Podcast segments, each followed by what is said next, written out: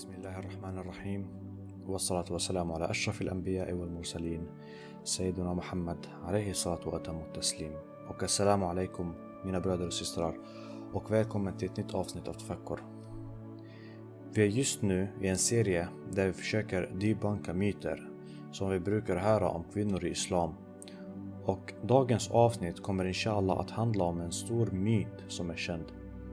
Som är en kvinnans vittnemål i Islam är värt häften av en mans.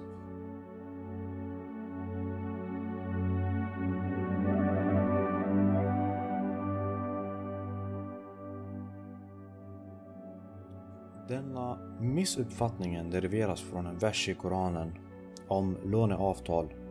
Under Sura Al-Baqarah, ayat 202, så snackar de om det och den säger när det kommer till vittne och ta tag två av era män till vittne. Finns inte två män till hands, ta då en man och två kvinnor bland dem ni godkänner som vittne. Några kan se detta som att Koranen säger att en kvinnas vittnemål är värt hälften av mannens. Det finns dock ett problem med detta påstående. Låt oss ta det. Först så historisk domänen som krävde största försiktighet och tillförlitlighet av vittnesbörd var i något som kallades riwaya, eller att berätta från minnet profetens ord och handlingar. Och dessa berättelser skapade det vi kallas för hadith idag. Och de är den andra största källan för islamiska lag efter Koranen. Så det måste vara något som är jättepålitlig för att kunna berätta de här berättelserna. Både män och kvinnor anses vara lika tillförlitliga så att så länge de hade integritet och gott minne. Och en av de fem största berättaren av hadith var Aisha radiyallahu anha, en kvinna. Så tillförlitlighet var baserat på erfarenhet och inte den biologiska uppbyggnaden av en person.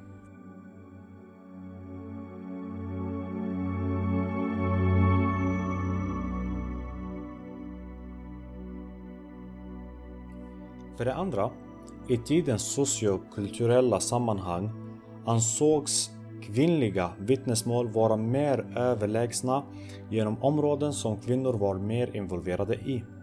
Muawiya radiyallahu an, en av profetens vänner, en gång fattade en dom om bostäder baserat på det enda eh, vittnesbördet av Um Salama radiyallahu anha, en kvinna. En förklaring av versen summerade upp detta.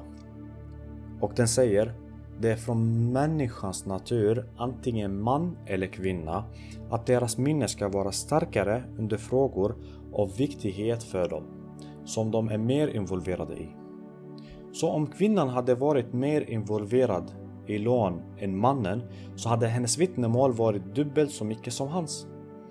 Och saker som kvinnan vet mer om antingen lån eller hushåll, ekonomi, vad ens det är, så är det dubbelt så mycket som mannen. Så det handlar inte om biologiska uppbyggnaden.